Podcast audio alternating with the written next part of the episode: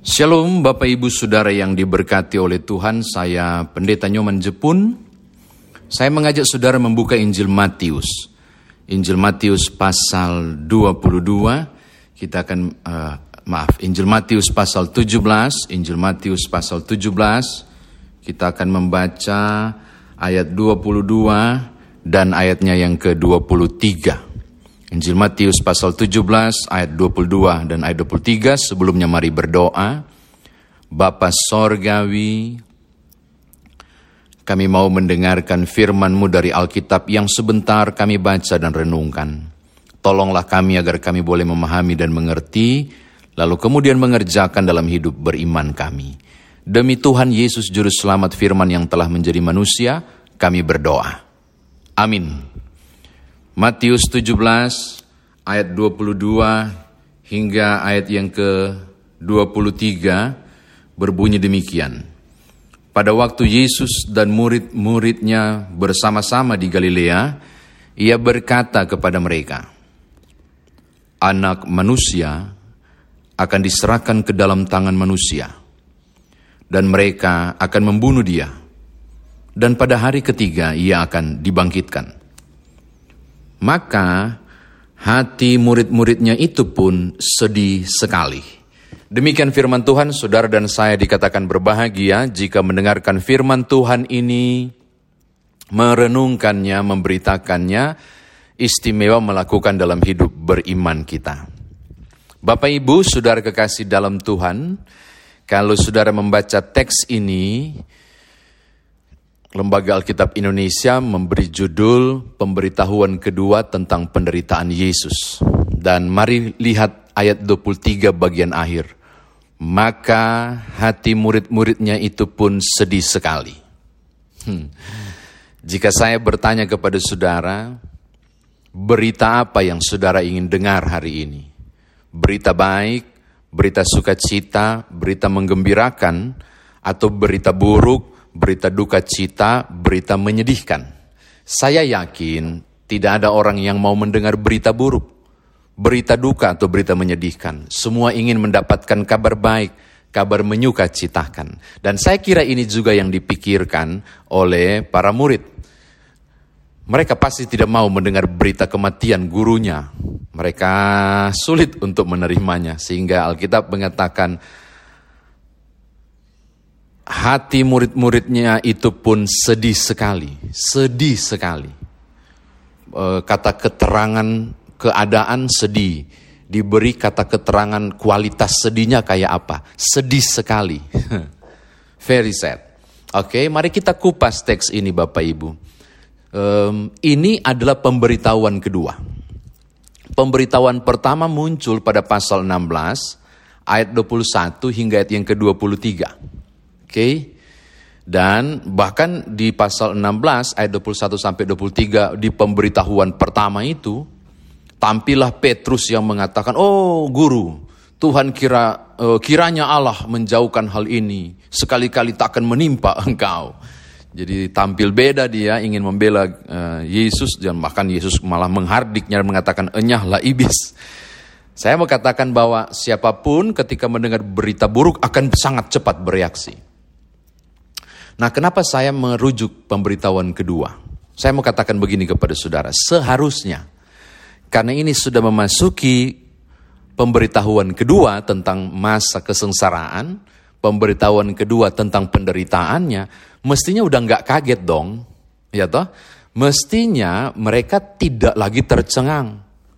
Mestinya mereka bereaksi secara berbeda. Karena ini bukan berita mengejutkan, ini sudah kali kedua. Pertanyaannya, pertanyaannya, mengapa sampai kemudian ini mempengaruhi berita buruk ini begitu mempengaruhi para murid sehingga diberi label uh, sedih sekali hati mereka. Bapak Ibu, saya kira ada alasan yang menarik. Kalau saudara baca di pasal 17 ayat 1, saudara akan menemukan Yesus dimuliakan di atas gunung.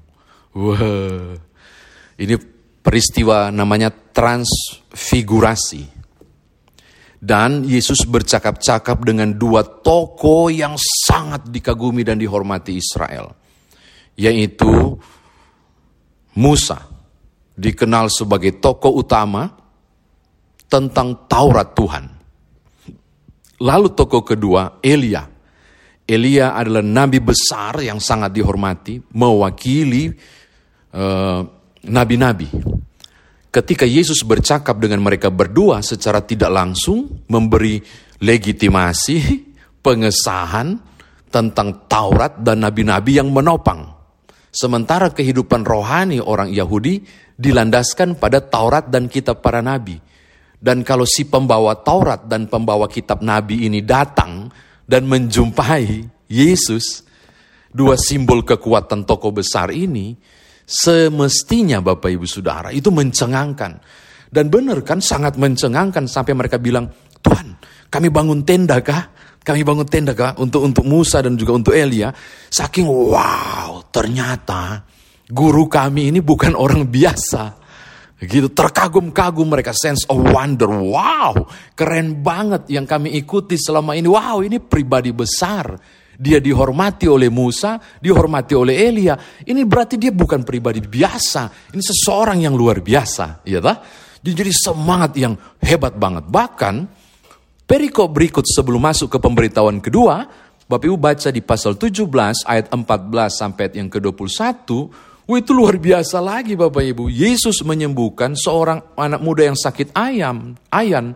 Ayan sakit ayan itu tidak ada obatnya. Zaman itu ya, kalau sekarang kan ada terapi saraf ya. Tidak ada obatnya. Dan tiba-tiba Yesus menyembuhkan. Bukan saja itu saudara, ternyata penyebab sakit ayan itu adalah kuasa iblis, kuasa kegelapan dan Yesus menghardik iblis itu.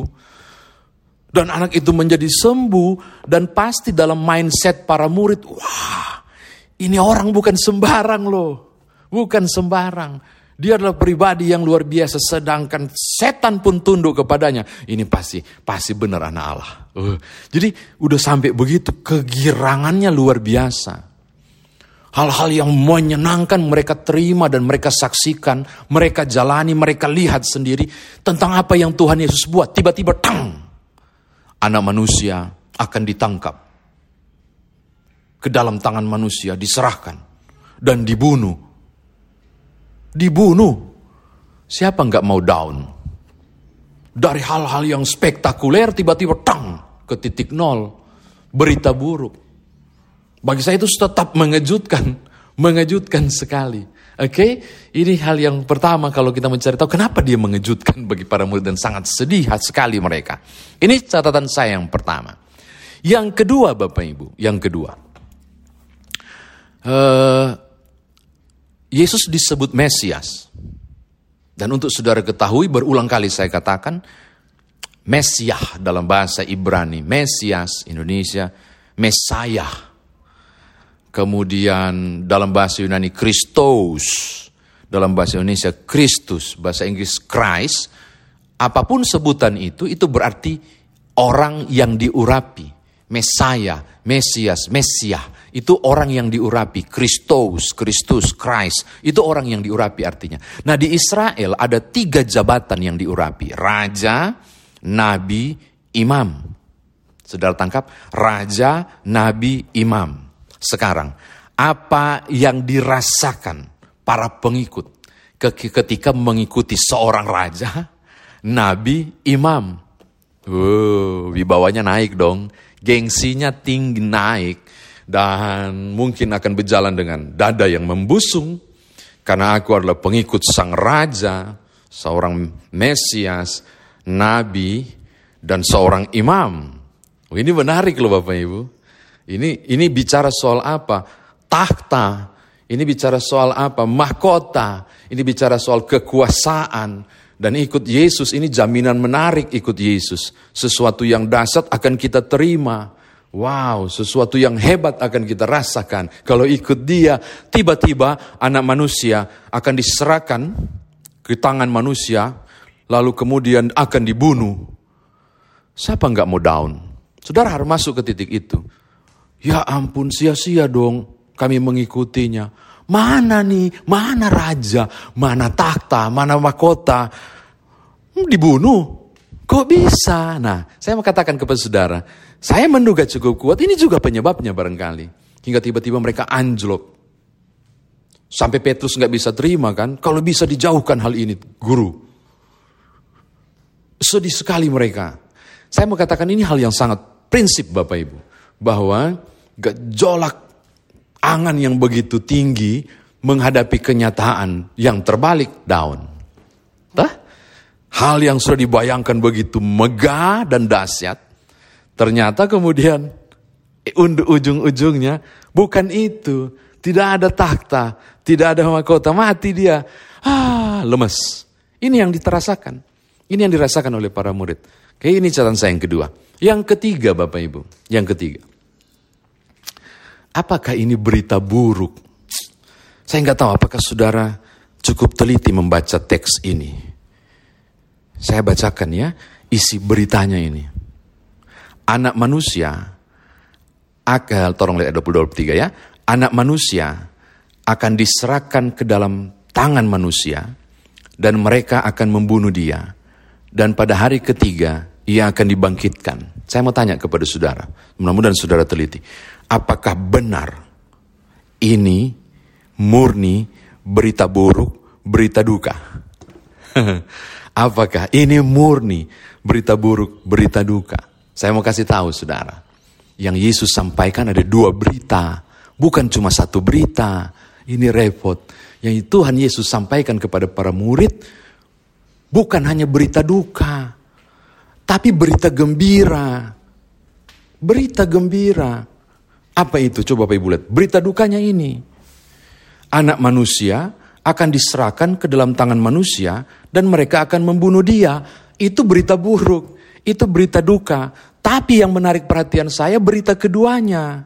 Poin kedua apa itu? Dan pada hari ketiga ia akan dibangkitkan. Pada hari yang ketiga ia akan dibangkitkan. Itu yang saya curigai, mereka tidak lihat. Mereka fokus diserahkan anak manusia ini disesa, dianiaya, dibunuh, selesai. Mereka tidak lihat ada berita keduanya dan pada hari yang ketiga akan dibangkitkan. Itu kan berita baiknya, itu berita sukacitanya. Tetapi mereka cuma fokus pada berita buruknya. Mereka cuma fokus pada berita sedihnya. Mereka tidak tangkap kalimat pendek yang menarik dan menjanjikan pada hari ketiga pada hari ketiga ia akan dibangkitkan. Pertanyaannya kembali, mengapa? Mengapa? Saya mau katakan secara sederhana. Kalau saudara diberi berita baik dan berita buruk, orang hanya akan fokus di berita buruk. Yang mengejutkan dan mengagetkan. Masa ya ampun, bla bla bla, aduh. Dan mereka langsung sampai ke titik nadir. Paling bawah.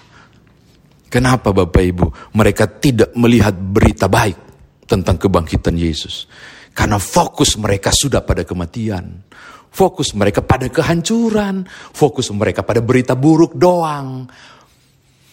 Mereka tidak terbuka matanya dan pendengarannya untuk menangkap sesuatu yang dahsyat. Hari ketiga mereka akan bangkit. Makanya Bapak Ibu berulang-ulang di hari raya Paskah, saya selalu berkhotbah. Kenapa para murid tidak nunggu dikubur pada hari ketiga. Padahal tiga kali pemberitahuan kematian kan. Tiga kali pemberitahuan, tapi dia akan bangkit. Ya, dia akan bangkit, tapi dia akan bangkit. Seharusnya kalau mereka tahu, dan mereka tangkap, dan mereka pegang berita baik, bahwa hari ketiga akan bangkit. Seharusnya mereka nggak tidur itu. Eh, ini besok so masuk hari ketiga. Mari kita bawa gendang, kecapi, dan kita siapkan para perempuan itu buat tari-tarian di depan kubur misalnya tuh. Karena ini hari kemenangan Tuhanku sudah mau datang. Sudah dekat ke hari kemenangan dia akan bangkit. Saudara tahu, Yesus bangkit nggak ada yang nggak ada yang nggak ada yang anu nggak ada yang uh, terima. Yesus bangkit tidak ada yang uh, berada di depan untuk menyambut. Nggak ada. Kenapa? Mereka nggak tahu ke hari ketiga dia bangkit. Harusnya tahu karena tiga kali pemberitahuan. Terus kenapa? Karena mereka fokus pada ketakutan. Dikejar kan para pengikut Yesus. Fokus pada berita buruk. Fokus pada kengerian. Saya kira demikian firman Tuhan ditafsirkan bagi kita. Nah sekarang bagaimana kita bawa dalam kehidupan beriman kita? Yang pertama Bapak Ibu. Bapak Ibu kekasih dalam Tuhan. Hidup ini ada dua warna. Berita baik, berita buruk. Nah, saya mau katakan, sehebat apa pun berita buruk saudara di hari ini. Besok, lusa, bulan depan, tahun depan. Dan seberapa berat persoalan yang membawa saudara sampai jatuh ke titik terbawah saya mau bilang, hati-hati. Jebakan, jebakan kegoyahan iman adalah orang terlalu fokus melihat masalah, bukan mencari peluang jalan keluar. Orang fokus pada berita buruk, bukan melihat dan mencari di balik berita buruk ada berita baik. Kenapa saya bilang begitu? Saudara pernah dengar kisah, baca kisah tentang Yesus meredakan badai? Ombak dahsyat datang hampir kasih balik itu perahu. Yesus asik-asik tidur, tidur saja. Dan sampai mereka bangunkan, Guru kau tidak tahukah kami mau binasa? Kenapa mereka sangat ketakutan padahal ada Tuhan Yesus di situ? Kenapa mereka begitu khawatir, mengerikan menatap badai yang besar? Dan mereka mengabaikan pribadi pencipta dan pereda badai yang lagi tidur? Kenapa Bapak Ibu? Karena mereka cuma fokus pada badai. Mereka lupa fokus pada Tuhan yang maha kuasa mengendalikan badai. Mereka fokus pada masalah. Mereka tidak fokus ada pribadi yang lagi tidur. Yang selalu memecahkan masalah. Saya mengatakan hal yang sama kepada saudara hari ini. Siapa pun Bapak Ibu, dengarkan baik-baik. Engkau akan menghadapi dua warna kehidupan, engkau akan menghadapi hal yang buruk, hal yang menyenangkan, engkau akan menghadapi berbagai kesulitan kesulitan kehidupan. Saya mau katakan, jangan cuma fokus pada masalahmu. Jangan cuma fokus pada musibahmu. Jangan hanya fokus pada warna hitam kelam hidupmu. Terseduh-seduh engkau di sudut kamar saja.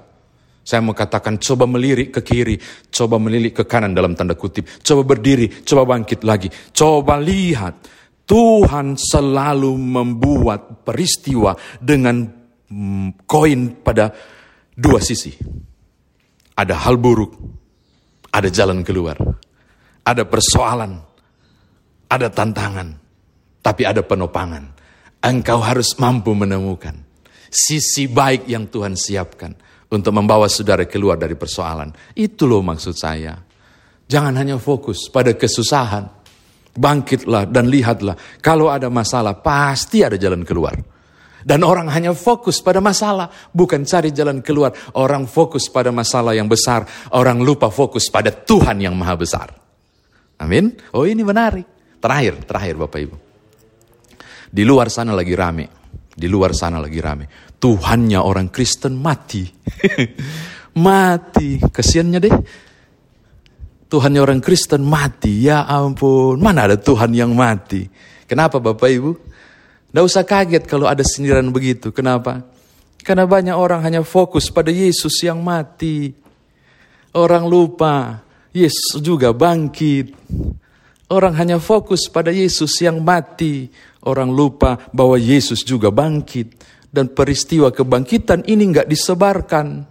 Cuma sampai di pada kematian. Maka dihina-hinalah Yesus yang mati, Tuhan kok mati. Karena mereka tidak pernah bersedia mendengar berita tentang kebangkitan. Maka saya mau tutup mengatakan begini kepada saudara. Jika ada yang mengatakan bahwa Tuhanmu mati, saudara akan berkata, ya benar, Tuhanku mati untukku. Kasih koma. Dan jangan lupa, dia bangkit untuk menyelamatkanku. Begitu, karena berita tentang kematian Yesus Kristus itu ada dua. Yaitu berita kematiannya dan berita kebangkitannya. Sebab kalau Yesus tidak bangkit kata Paulus, sia-sia iman kita. Saya mau katakan mau tutup firman Tuhan ini. Saudara, saudara harus mengimani betul Yesus mati. Jangan bersedih.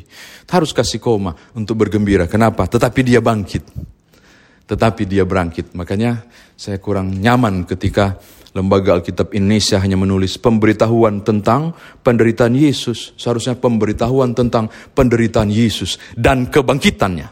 Ayo dong, berimbang dong beritanya. Oke, kini menjadi berkat bagi Bapak Ibu Saudara. Tuhan Yesus memberkati. Haleluya. Amin.